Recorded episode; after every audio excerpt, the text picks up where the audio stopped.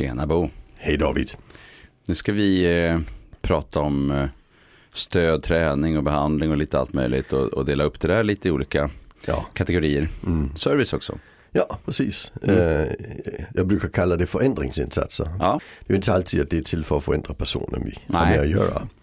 Det beror lite grann på hur, eh, vilket uppdrag verksamheten har. Ja, precis. också. Så är det. Men, men, eh, men det, alltså, de, de olika insatserna vi gör, vare sig via en skola eller LSS-boende eller, eller en psykiatriavdelning eller, eller vad vi är, där, där måste vi liksom fundera lite på vad vi sysslar med. Ja, Mm.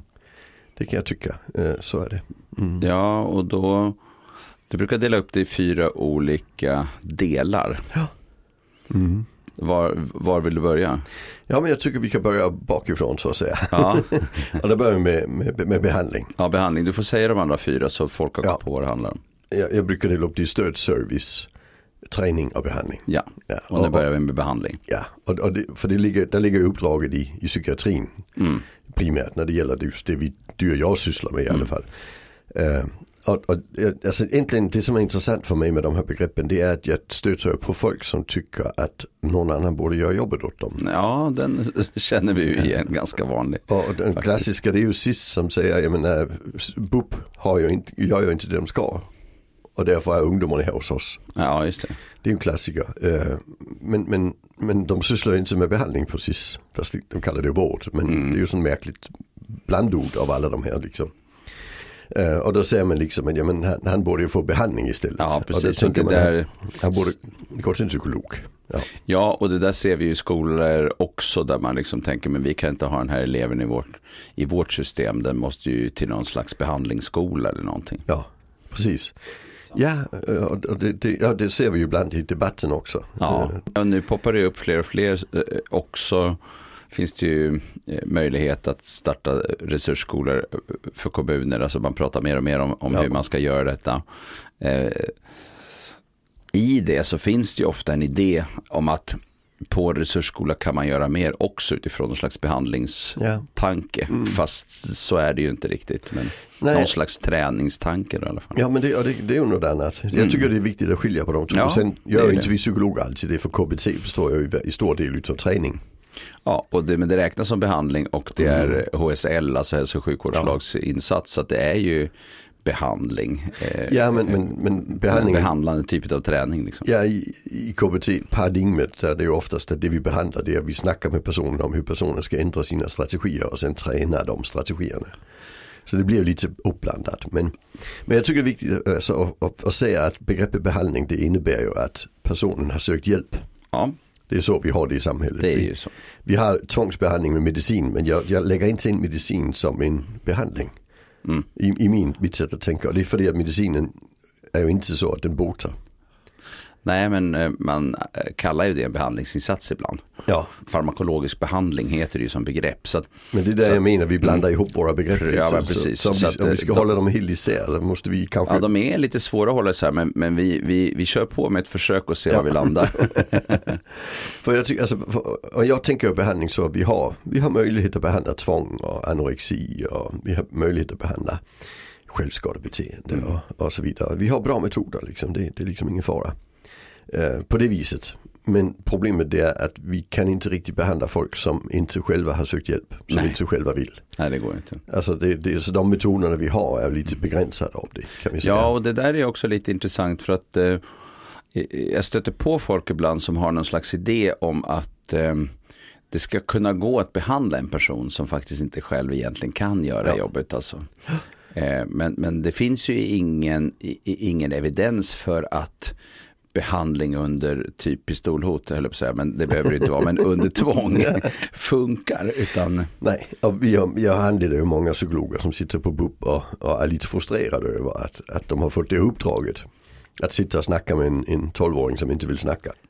nej, det är helt meningslöst, det går ju inte. Nej det går liksom Det inte. går inte. Det, det är ju alltså, och, och, men det är för det man tänker att han måste prata med någon. Liksom. Ja, precis. Man tänker det. Och ibland så lyckas en psykolog tränga igenom det där. Men har man suttit tyst för länge, då är det ingen idé.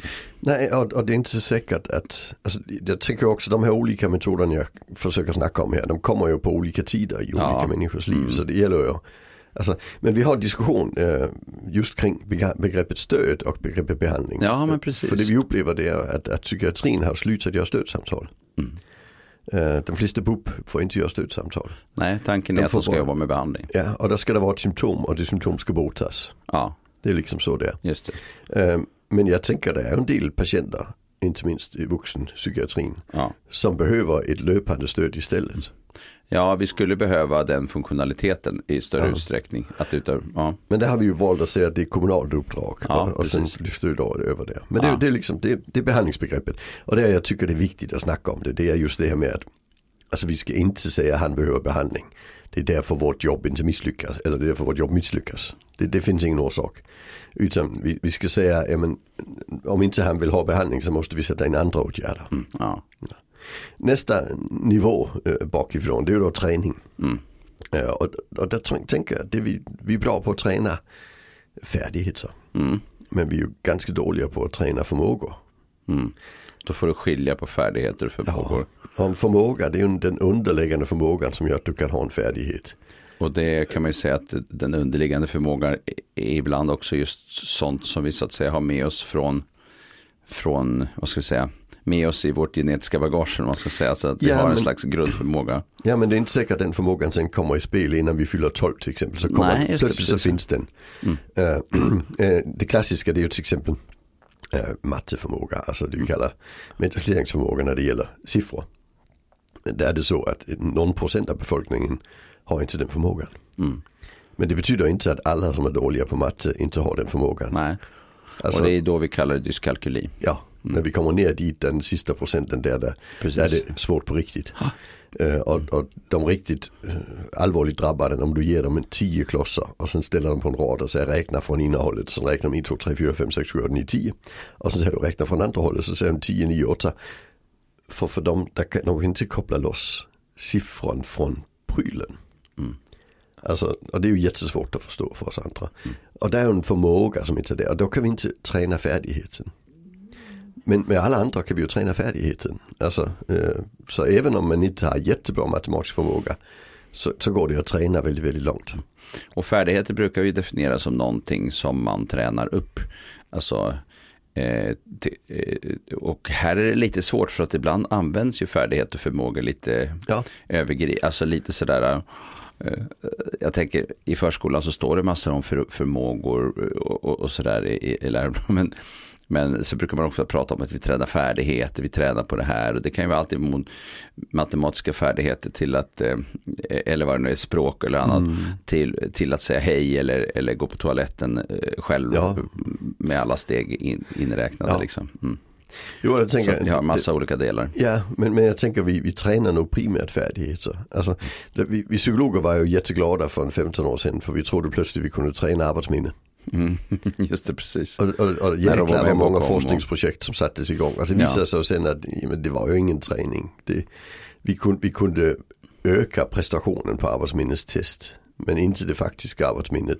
Alltså det fanns en skillnad mellan testtillfället och verkligheten. Ja, när vi sen slutade träna så gick det tre månader, sen var, det, sen, sen var den träningseffekt borta. Mm. Sen var vi tillbaka där vi var innan. För det var en förmåga vi var inne och pillade på. Så, så det är lite viktigt att förhålla sig till vad är en, vad är en färdighet och vad är en förmåga när vi, när vi tränar.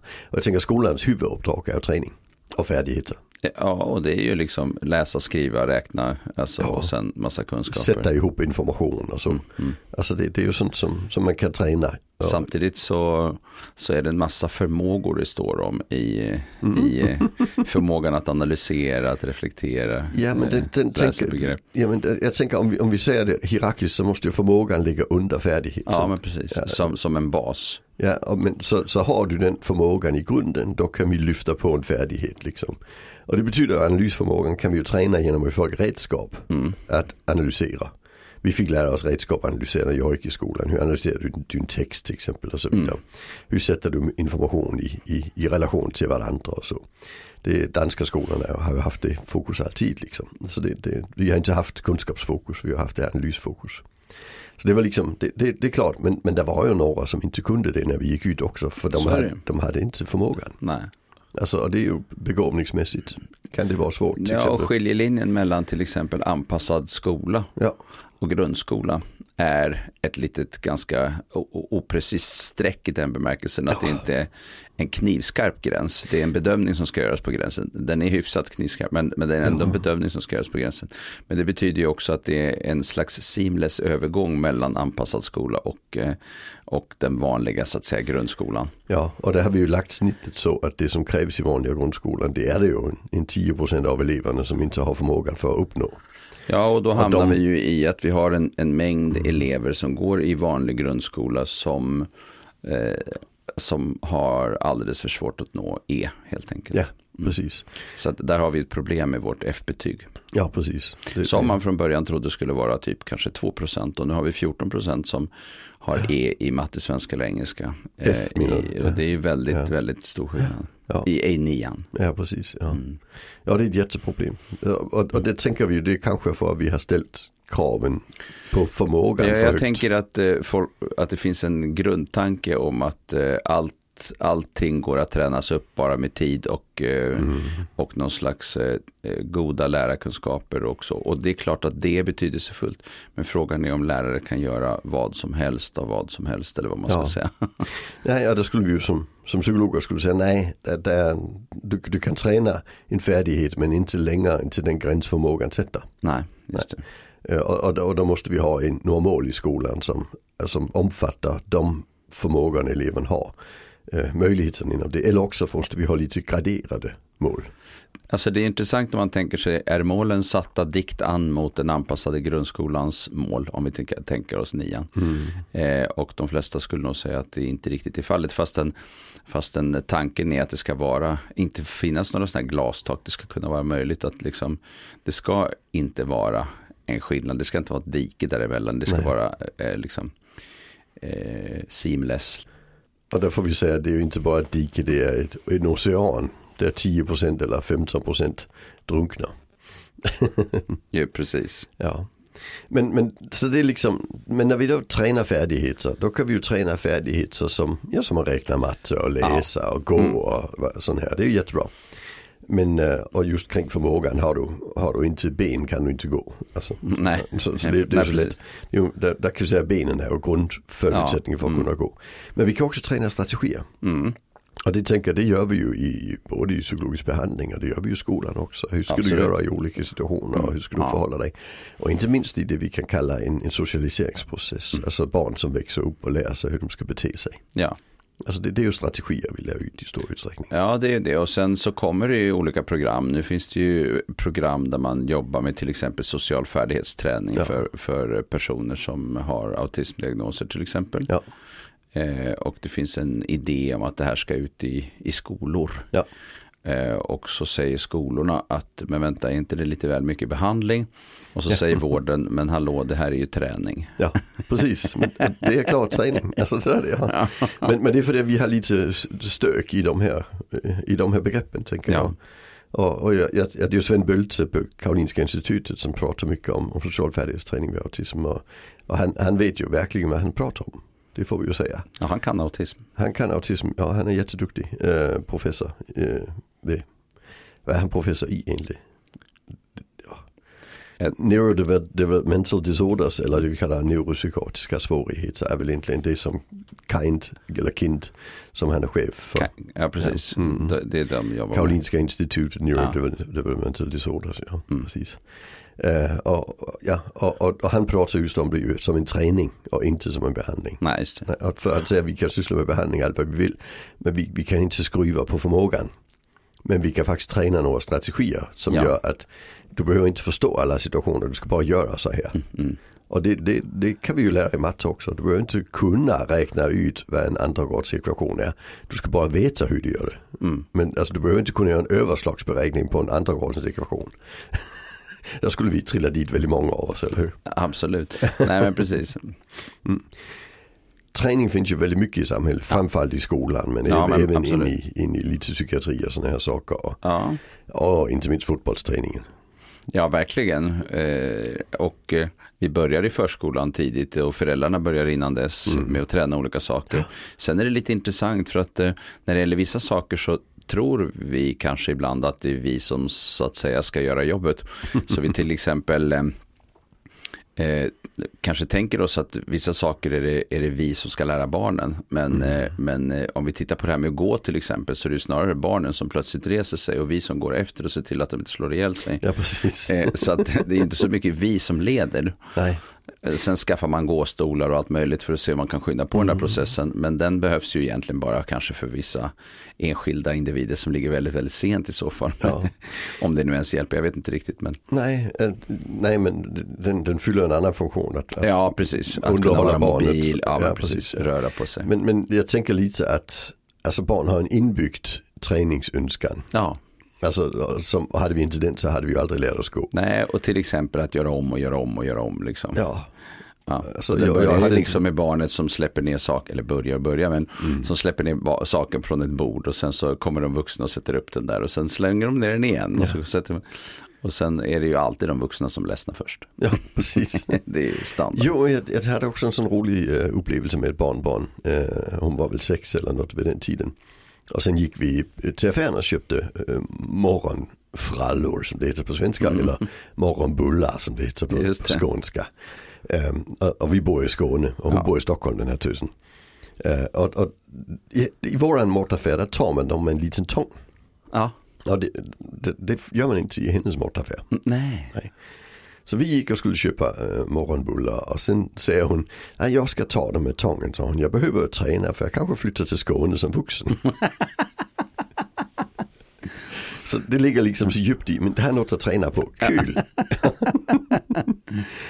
men ja. det, det gäller med de som lyckas med det de tränar. Ja. Men jag, jag tänker, alltså det, det mest fantastiska det är när man ser personer som är födda utan armar din och min generation hade vi neurosedynbarnen, ja, talidomidbarnen. Ja.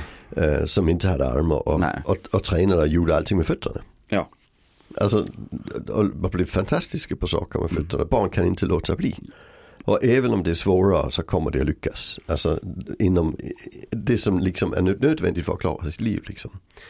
Eh, och där kan vi ju bara stödja upp. Och det vi sen försöker göra i skolan det är att boosta det in i det som inte kanske är nödvändigt för överlevnaden. Men, men nödvändigt för personen i det samhälle vi har. Precis, just det. Mm. Men där är det också så att så länge det går bra så tycker ungen det är roligt att träna. Ja, och jag tänker att det där är ganska intressant om man, om man, eh, eh man kan ju träna till exempel språket hos en logoped eller man kan mm. träna hos en specialpedagog att läsa och sådär. Eh, eller på massa olika sätt, eh, andra, andra saker som man också tränar på. Men, eh, men det är intressant eh, när man tänker att själva pedagogiken bygger ändå på att den här logopeden eller specialläraren eller, special, eller, vad det nu, eller läraren får personen att tycka att det ändå är tillräckligt intressant och mm. kul och alltihopa. För att tappar barnet, eleven, motivationen mm. och, och, vägrar, då, då är det kört. Det gäller att hitta tillbaka till ja. intresset. Fullkomligt. Det, det, och jag tycker vi missbrukar träningsbegreppet när vi säger att barnen ska träna sociala situationer så vi släpper ut den på rasten med 532 andra. Ja, ja, för då kommer det ju att bli en misslyckande. Eh, och misslyckande alltså det går jättebra för de där eh, 400 någonting som mm. Eh, fixar den typen av situation. Men de som verkligen behöver träning, de får ingen bra träning i, den, i det sammanhanget.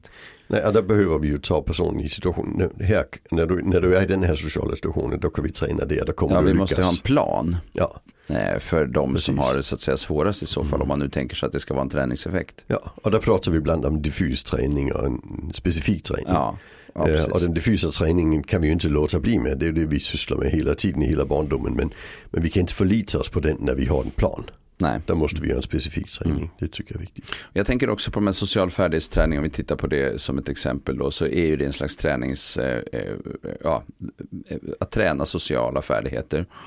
Eh, och eh, den bygger ju också i väldigt, eh, eller helt och hållet på att personen i fråga har lust och vill. Ja.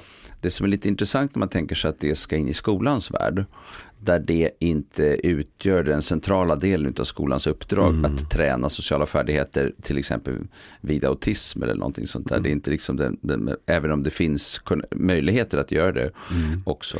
Det ingår i de övergripande målen. I de övergripande målen de, finns det ju där Men inte i, målen. För, alltså de Nej, det är inte ämnesrelaterat Nej, på det sättet. Mm. Utan det är lite mera brett så. Um, det som man kan fundera över när den typen av eh, metoder kommer in i skolans värld. Det gäller ju att de som propagerar eller önskar att barnet eller eleven ska involveras i den här typen av träning. Det gäller ju att de också fattar att frivillighetsaspekten är helt avgörande och motivationen är helt avgörande. Ja. Eh, så att man inte tror att eh, nu ska vi göra som med, som med obligatorium som svenska, matte och engelska. Liksom, att, mm. eh, att det står här exakt hur många timmar matte du ska ha. Och, och det är liksom en, en ja, det är så det funkar med, med skolan. Den är obligatorisk. Men, men social färdighetsträning kan vi inte göra tänker jag i alla fall, obligatorisk på samma sätt som matte och svenska. Nej. Så länge det inte står uttryckligen i, i, i skollagen att det här är ett, ett, ett specifikt mål. Liksom. Ja. Jag har sett det försökt på HVB-hem. Ja. Uh, där man då har en, en klass med social träning. Ja.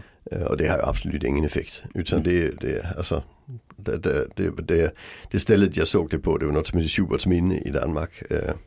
Och där fick man då sitta och, och träna sig i ett samtal. Men, men det var ju ingen allians med de här personalen för det var samma personal som också bestämde när man skulle gå och lägga sig. Alltså, ja, alltså, alltså det, blev, det blev inte bra. Nej. Nej och, och det, det, det, är väldigt besvärligt för det ska ju vara, något, det ska vara en situation som är lekfull och intressant för barnen för att det ska funka. Och det ska uppleva att det ger effekt direkt. Liksom.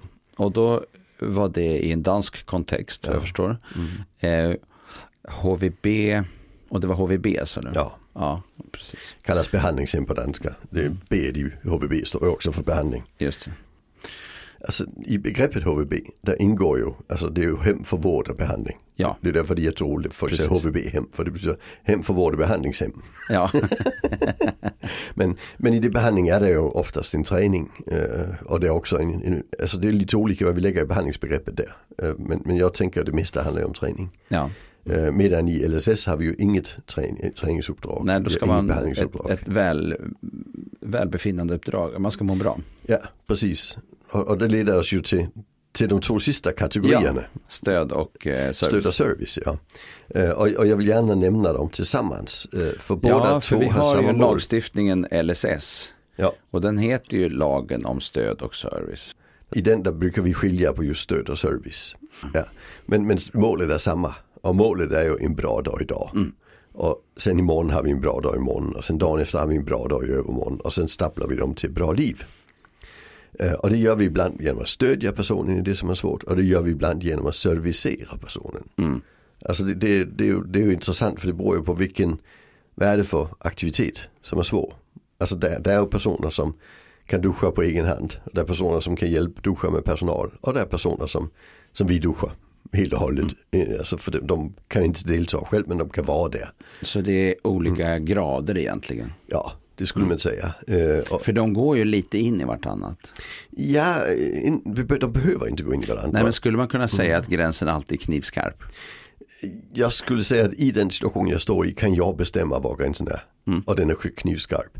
Men jag kan inte i en hel verksamhet säga att det är knivskarp gräns. Nej.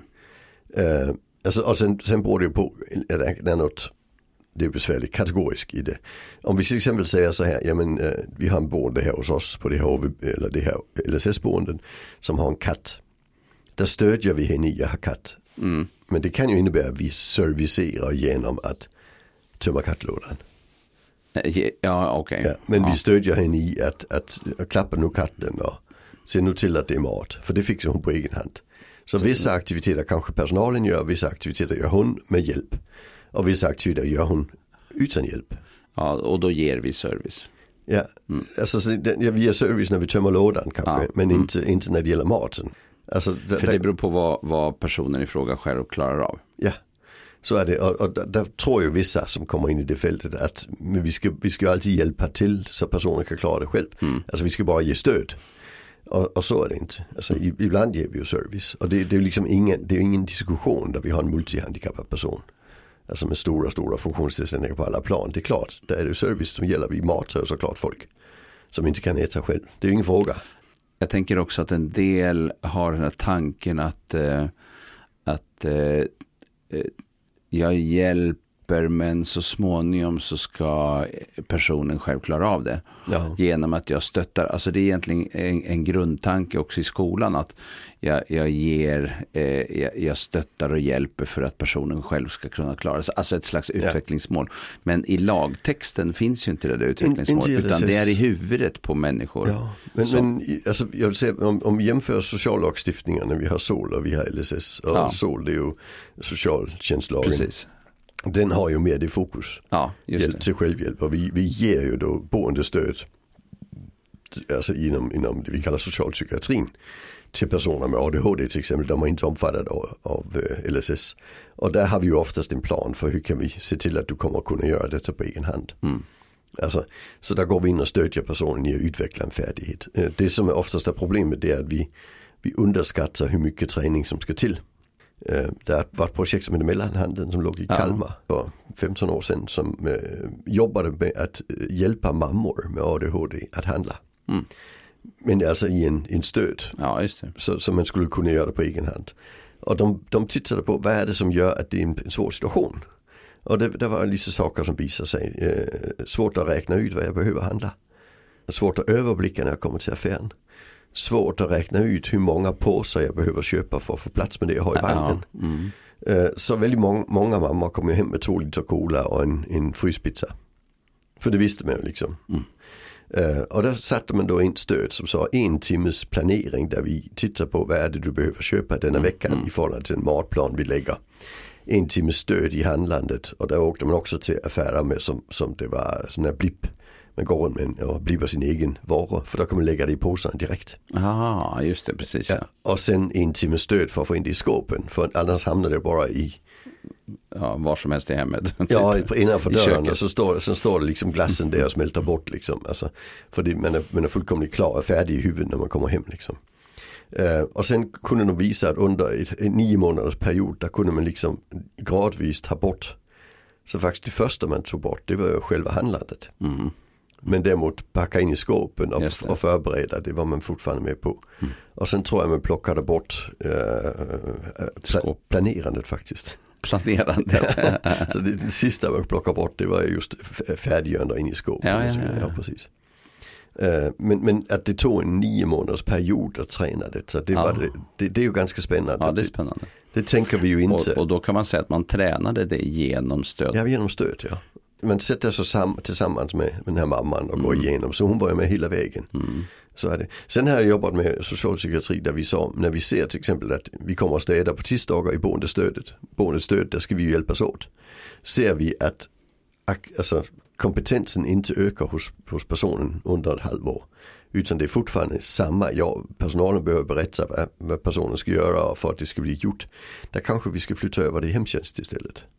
Just det. Och då flyttar vi över det i service. Ja. Mm. Uh, och, och, för är det ingen utveckling i alla fall då är det lika bra att ha det i service. Mm. För då använder vi ju kraft från personens fungerande mm. Mm. som personen kunde använda på något som var mer relevant i mm. förhållande till utveckling.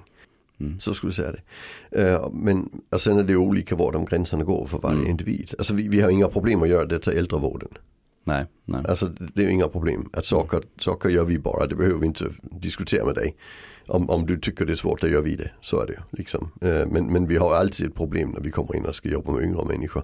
Där vi får den här diskussionen, ska mm. vi göra det? Ja. Eh, och en fråga vi ibland får det är LSS-personal säger vi är ju inte städbolag. Nej, precis. Vi, vi är inte servicepersonal. Vi, vi, är inga betjänter. Nej, fast det är vi ju också. Mm, precis. Alltså, Men vi får lön för det. Ja, och, och vi hade ju inte tyckt det var problem om det var en person med en, en mycket större funktionsnedsättning, en, en muskeldystrofi eller något som satt i en rullstol och hade svårt att prata. Det är klart, där hade vi ju gjort väldigt mycket mer service. Det är ju ja. för att vi gör en bedömning att den vi här personen borde kunna det ja, med stöd. Och så vi går in i frågan om det här är rimlig mm. eh, funktionsnedsättning eller om, det in, eh, eller om man upplever att det inte är rimlig och man egentligen ja. borde göra något annat än ja. service. Uh, och, och, där har vi ju lite olika verktyg. Uh, Alltså, jag skulle ju då säga att den psykologiska utredningen är ett jättebra verktyg till att ta reda på vad personen faktiskt kan. Ja. Eh, och det kommer att kosta mycket pengar. Så det kommer vi aldrig att göra i samhället i stort. Men, men det, Anna, Anna Sjölund har gjort ett, ett jättebra system för det när hon jobbade med eh, empowerment-projektet just i Stockholm. precis, ja. Och där Mm. hade de ju så att alltså, den boende kunde liksom sätta en, ett märke på sin dörr. Just det, olika färger. Ja, och det var en grön, det betyder kom in, jag behöver stöd idag. Det. Mm. Och det hjälps vi åt. Var det en gul så det kom in och du får gärna städa.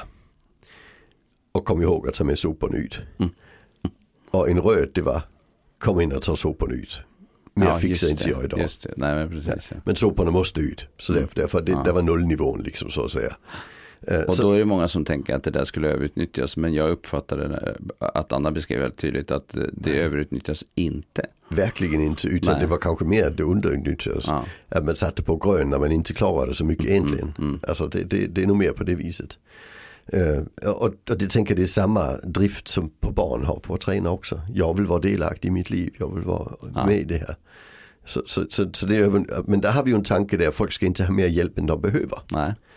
Eh, och, och det har vi ju det här det gamla Hågård hade det begreppet som kallar curling och curlingföräldrar. Mhm. Och det är ju precis det det handlar om. Mm. Alltså, f- ska man få mer hjälp än man behöver.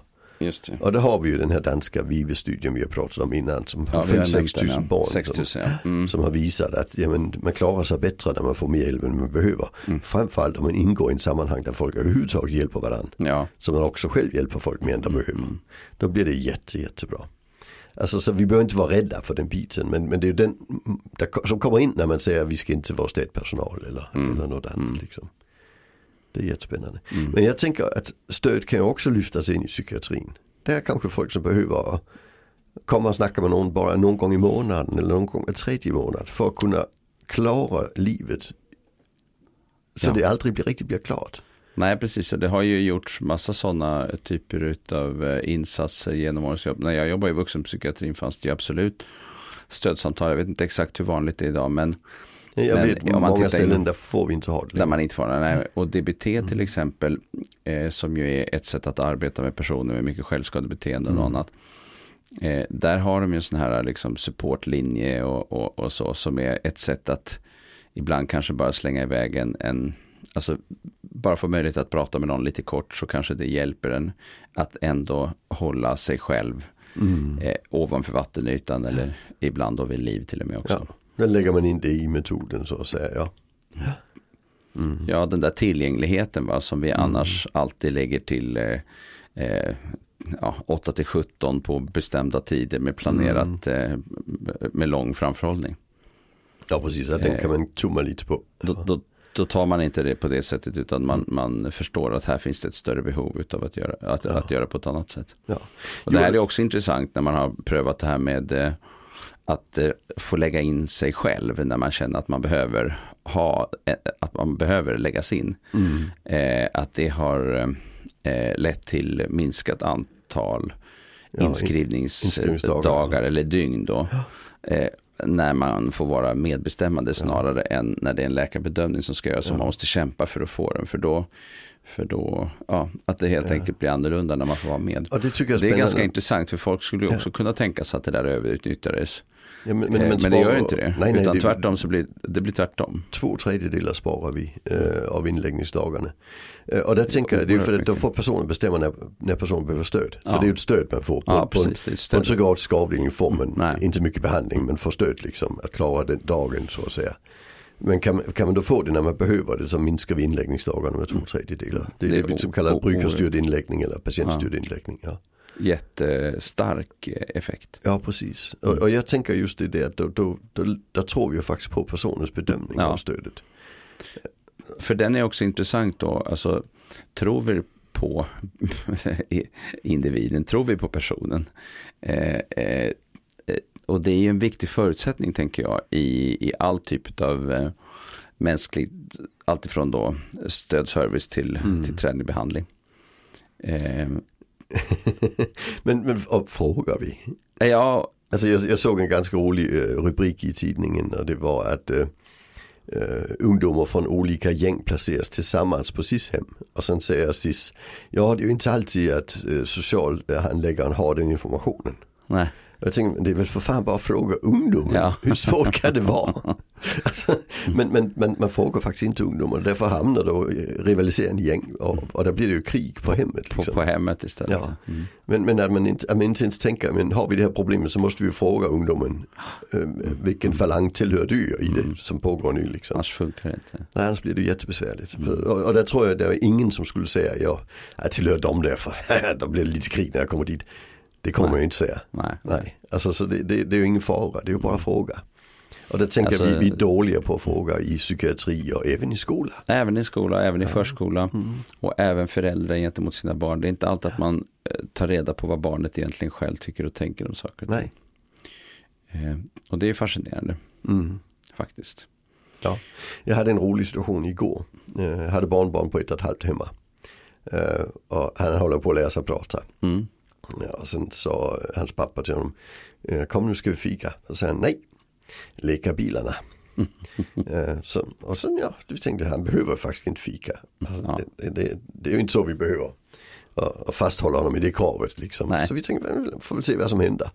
Och sen gick det en kvart och sen kom han ju och var redo att fika liksom. Ja, Men till och med när han visste det är bullar. Alltså Ja. vi sa det är bullar, det är så ville han, han ville köra bilarna Han vill först. köra bilarna först, ja, precis. Och, det, är ju ing, är ju ingen skada någonstans. Att Nej, här kan vi lyssna på honom.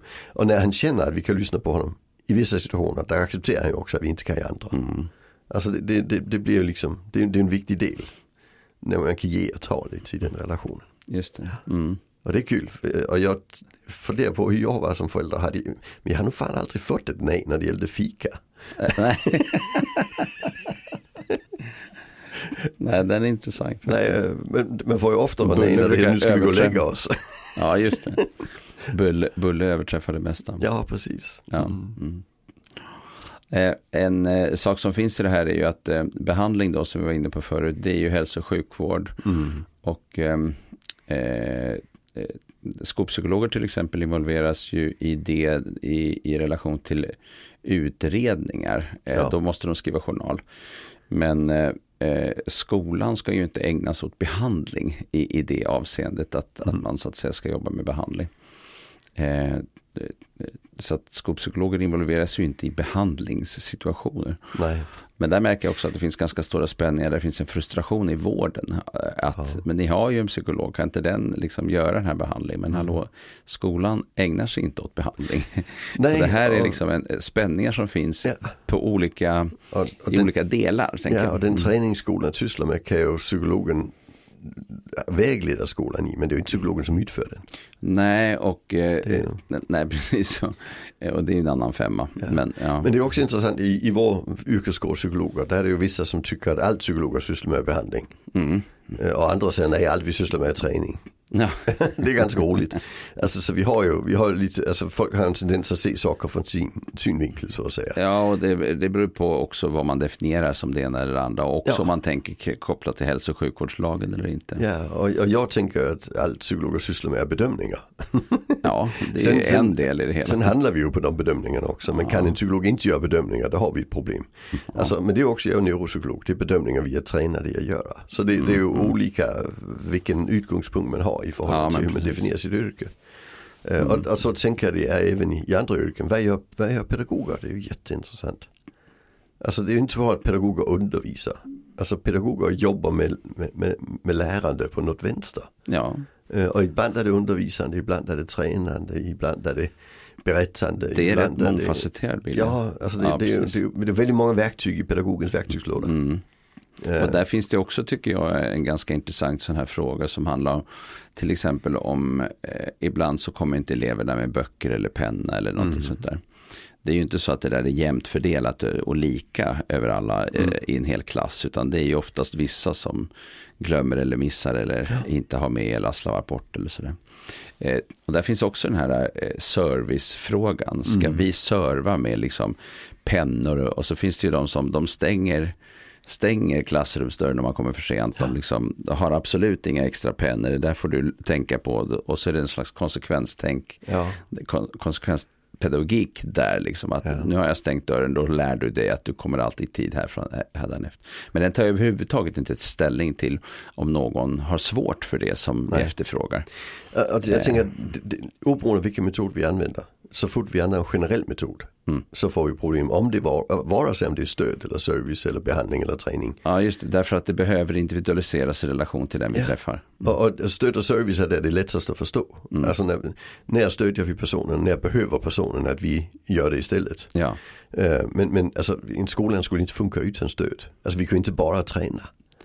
Alltså om, om inte vi hade en, en, en skolklocka som lät Mm. så skulle det vara svårt för väldigt många elever i, i ettan och tvåan att förstå när, när har vi lektioner, när har vi rast.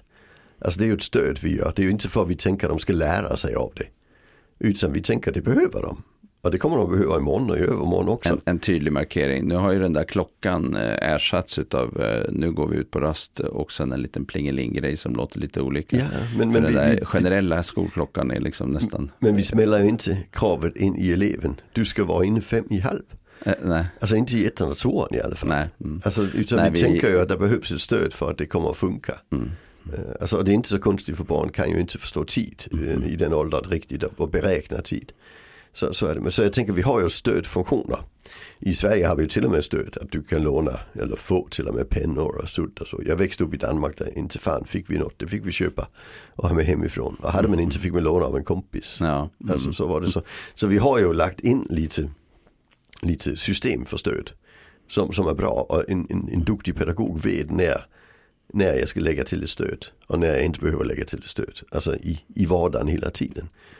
Ja, precis. Så Jag, jag, jag tror att jag kanske har nämnt det här tidigare vid någon, i något poddavsnitt. Men jag tyckte det var ganska kul när jag kom till den här verksamheten som var en sån här morgonverksamhet. Sexåringar och årskurs ettor har jag för mig att det var. I en del av skolan. Och sen så eh, kommer barnen in där och hänger upp saker på krokar. Och så, men sen så när det ringer in så att säga och, och det är dags för lektion. Då ska de ta sig med sina skor och, och, och jackor och mössor och vantar och allt möjligt till sitt klassrum inomhus. Och då var det ju vissa barn som glömde dem där då. Ja det är klart. Eh, förstås. Eh, och när jag kom dit så diskuterade lärarna eh, det här med curlande föräldrar. och det som skäl till varför det här. Och då tänker jag att det var ganska intressant för att det här innehåller flera olika delar. Är det, är det service, alltså ska vi gå med, med eh, sakerna till rätt klassrum, att vi håller reda på det? Eller ska vi stötta dem i processen att liksom minnas vad de har med sig och kanske hjälpa dem också? Eh, och hur mycket träning finns det i det här? Är, är det liksom en träningseffekt i det här? Eh, jag, jag- jag tycker att den innehöll lite av de här ingredienserna någonstans. Men, eh, men eh, det här att sätta sig ner och, och fundera på om, om föräldrarna, här, dessa curlande föräldrar, det är ju liksom en helt meningslös sysselsättning. Ja det, det blev ingen förändring någonstans Nej, när, vi, nej. när vi tog den diskussionen. Utan, Så att vi har det väldigt mycket i vardagslag så finns det massa diskussioner. Vi kan ju inte hålla på och, och, och hålla reda på vad barnen har för grejer. Vi kan ju inte hålla på och serva dem med att komma ihåg var de har lagt sina saker. Det kan ju inte vi hålla på med. Men det var inget systemskapande för Nej. att liksom tydliggöra så att, så att barnen visste det här är din krok, det här är dina grejer och här och sådär. Nu samlas vi, nu går vi till hallen. Alltså det stöd som man kan behöva när man är 6-7 år gammal. Ja för jag tänker när vi, när vi gör en ett struktur är också ett stöd. Ja, det är ju det. Alltså den, och vi behöver ju allihopa Ja, strukturer. precis.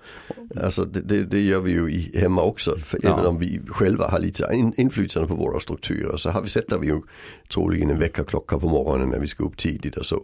Och, och, alltså, och jag brukar också säga att vi, vi använder också service ibland. Ja, Alltså vi, Mm. vi, det är ju vi som väljer om vi köper hem en pizza. Eller, eller vi lagar mat. Alltså, ja till exempel. Mm. Ja, och, och det är ju helt klart service. Alltså konstigt nog så tror vi inte att barnen ska ha service. Eh, men, men vi ska ha service. det, är, det är jättespännande. Eh, Men, men, men att vi liksom förhåller oss till, vi måste glida sömlöst mellan de här fyra egentligen. Ja, vi måste I, göra i det. livet. Och så kanske behandling är en liten egen del för Ja, det under blir som en egen del tycker jag Men, faktiskt men någonstans i ändå, familjen men- sysslar vi ju med träning och vi sysslar med stöd och vi sysslar med service. Absolut. Och I skolan sysslar vi ju också med alla tre. Med alla de tre. Mm, Ja, precis. precis. Det är behandlingsbiten som sticker ut Ja, och- eh, och den- i, i det avseendet. Men den tangerar mot, mot eh, eh, träning också förstås. Ja, men den har, den, den, det, det som är tydligt med den det är att den fokuserar på ett symptom som måste försvinna. Ja, jo. Det gör inte alla de andra. Nej, det, nej. det gäller om att få livet att hänga Nej, där ska vi liksom. mer lägga till något. Ja. som inte fanns. Ja, precis. Eh, Istället för att ta bort någonting som, Ja, precis. Den, som den är inte vill lite, ha. ja, precis. Så, så mål är lite olika där. Ja, målen är lite Ja, olika. men stöd, service och träning, de, Ja. de tvinnar sig till en tråd i livet på något vänster. Ja, så är det ju. Mm. Och eh, vi har ju också begreppet strukturstöd. Det är Ja. inte ett jätteovanligt begrepp som, Mm. som ändå finns där. Och det handlar ju om hur strukturen kan ge ett stöd i vardagen. Så att eh, de hör ihop på många olika sätt. Ja. Jo, jag, alltså, jag, alltså, jag tycker det är konstigt folk säger att han, han ska klara det på egen hand. Mm. Eh, när vi själva använder så mycket stöd, alltså GPS och Ja, allt möjligt. Alltså, eh, jag tycker det, det bästa med min bil det är att den själv håller på med helljuset. Ja, det är ju jättesmart. Ja. Ja det är hur bra som helst liksom. Att- För att jag tänka- behöver ett stöd för att det riktigt ska funka tydligen. så, men den har faktiskt tagit över, det är ett service den gör åt mig. ja, det är en service. Ja, alltså, Mm. så, så, så, så det är ju jättebra att vi liksom tänker, ja men barn behöver ju service. Olika delar av dagen, olika dagar, olika aktiviteter behöver vi olika. ja, vi kan ju också se att eh, när barn, till exempel när barn är trötta, Mm. då är det ju, det är ju service som gäller. Ja, Alltså det går ju inte. Något Det- annat är otänkbart. Ja, och det blir framförallt mycket, alltså, absolut minst arbetsinsats från vår sida och, Ja. och göra service i den Ja. situationen. Precis. Mm. Och, och då gör vi det därför att vi vet att barnet är trött. Och då känns det som att det är okej att göra det. Ja. Medan när barnet är mera, mera piggt så att säga. Mm. Eh, och vi tycker att barnet borde kunna. Då, Mm. då kan vi ju förvisso ge stöd. Men vi vill absolut inte ge service. För att då tycker vi att barnet borde kunna. För nu är han eller hon inte trött och Mm. har kapaciteten eller förmågan eller vad det är för någonting. Ja, och vi har sådana klassiker, alltså en klassiker, barn ska lära sig städa på sitt Ja, just hur? Eh, och sen, eh, alltså det är ju inga barn som kan bara städa. Alltså när de är små så behöver de ju stöd i, av- i form av instruktör. Ja, Så vi behöver alltså kanske säga först plockar du upp alla bilarna, Precis. sen plockar du all- upp alla legot och sen plockar du upp alla kläder. och oftast och, så får vi ta det along the way. ja, och, och sitter vi där och hjälper till så blir det ju liksom, hjälpa till, vad är det du ska ta nu? Det Just kan ju funka. Och sen blir det ändå fullkomligt kaos när barnen är 16 år gamla. Alltså där, där blir det Det liksom jätteroligt. o- oreda i, i alla system. Nej men alltså liksom. det är många på förskolorna som är bättre på att städa undan efter ett pyssel eller en lek eller en aktivitet än vad de är eh, när de är 16 år och ska Ja. städa sitt rum hemma. Men det alltså när, när jag intressant. tänker på våra barn när de var 16 och sen tänker jag på jag tror inte vi tänkte, det här det kommer de att lösa när de är vuxna utan problem. Mm. Men det gör de ju. Ja det gör de ju. Ja, alltså, så, Det är ju bara en bråkdel som absolut Ja. inte gör det. ja precis, och det är ju de med, med funktionsnedsättningar Ja, sånt, det det. det blir svårt. Ja. Mm. Så, så, så tanken där att tänka, alltså, men, men alltså, ja, vi tänker när de är 16, det här kommer de fan aldrig fixa, nu måste vi träna det. Ja, det är jätteintressant. Men, men kanske är det så att just där fattar sin förmåga just när man är 16. Som sen kommer igen Som sen kommer på ett annat Kommer- sätt. ja, Ja. precis. Ja. Mm. Alltså så, så också det att vi liksom kan, kan liksom vila lite i att jag kan stödja i perioder när det är mer stress där behöver personer mer stöd och det är mer stress när man är 14 till 16 Ja, än när man är 20 till 22. Alltså så är det bara. Så är det. Och, Eller vi vet 8 ju- till 10, och där 15 har vi också det här med exekutiva förmågor som inte är klart Ja, först någonstans mellan 25 och 30. Ja, och, och just det där med städa upp och hela den där biten kräver ju ganska mycket exekutiva det är förmågor. verkligen exekutiv Mm, förmåga. ja. Ja. precis. Mm. Och så, Ja. så då ökar vi servicen en bit och sen ökar Ja, vi stödet och sen så kan vi tona ner dem igen så småningom. Ja. Mm. Ja, ska vi runda av eh, lilla snacket om de här fyra olika Ja. delarna nu? Det hoppas jag. Ja. Annars får vi snacka mycket. Tack för idag. Tack för idag. Hej hej. Bye.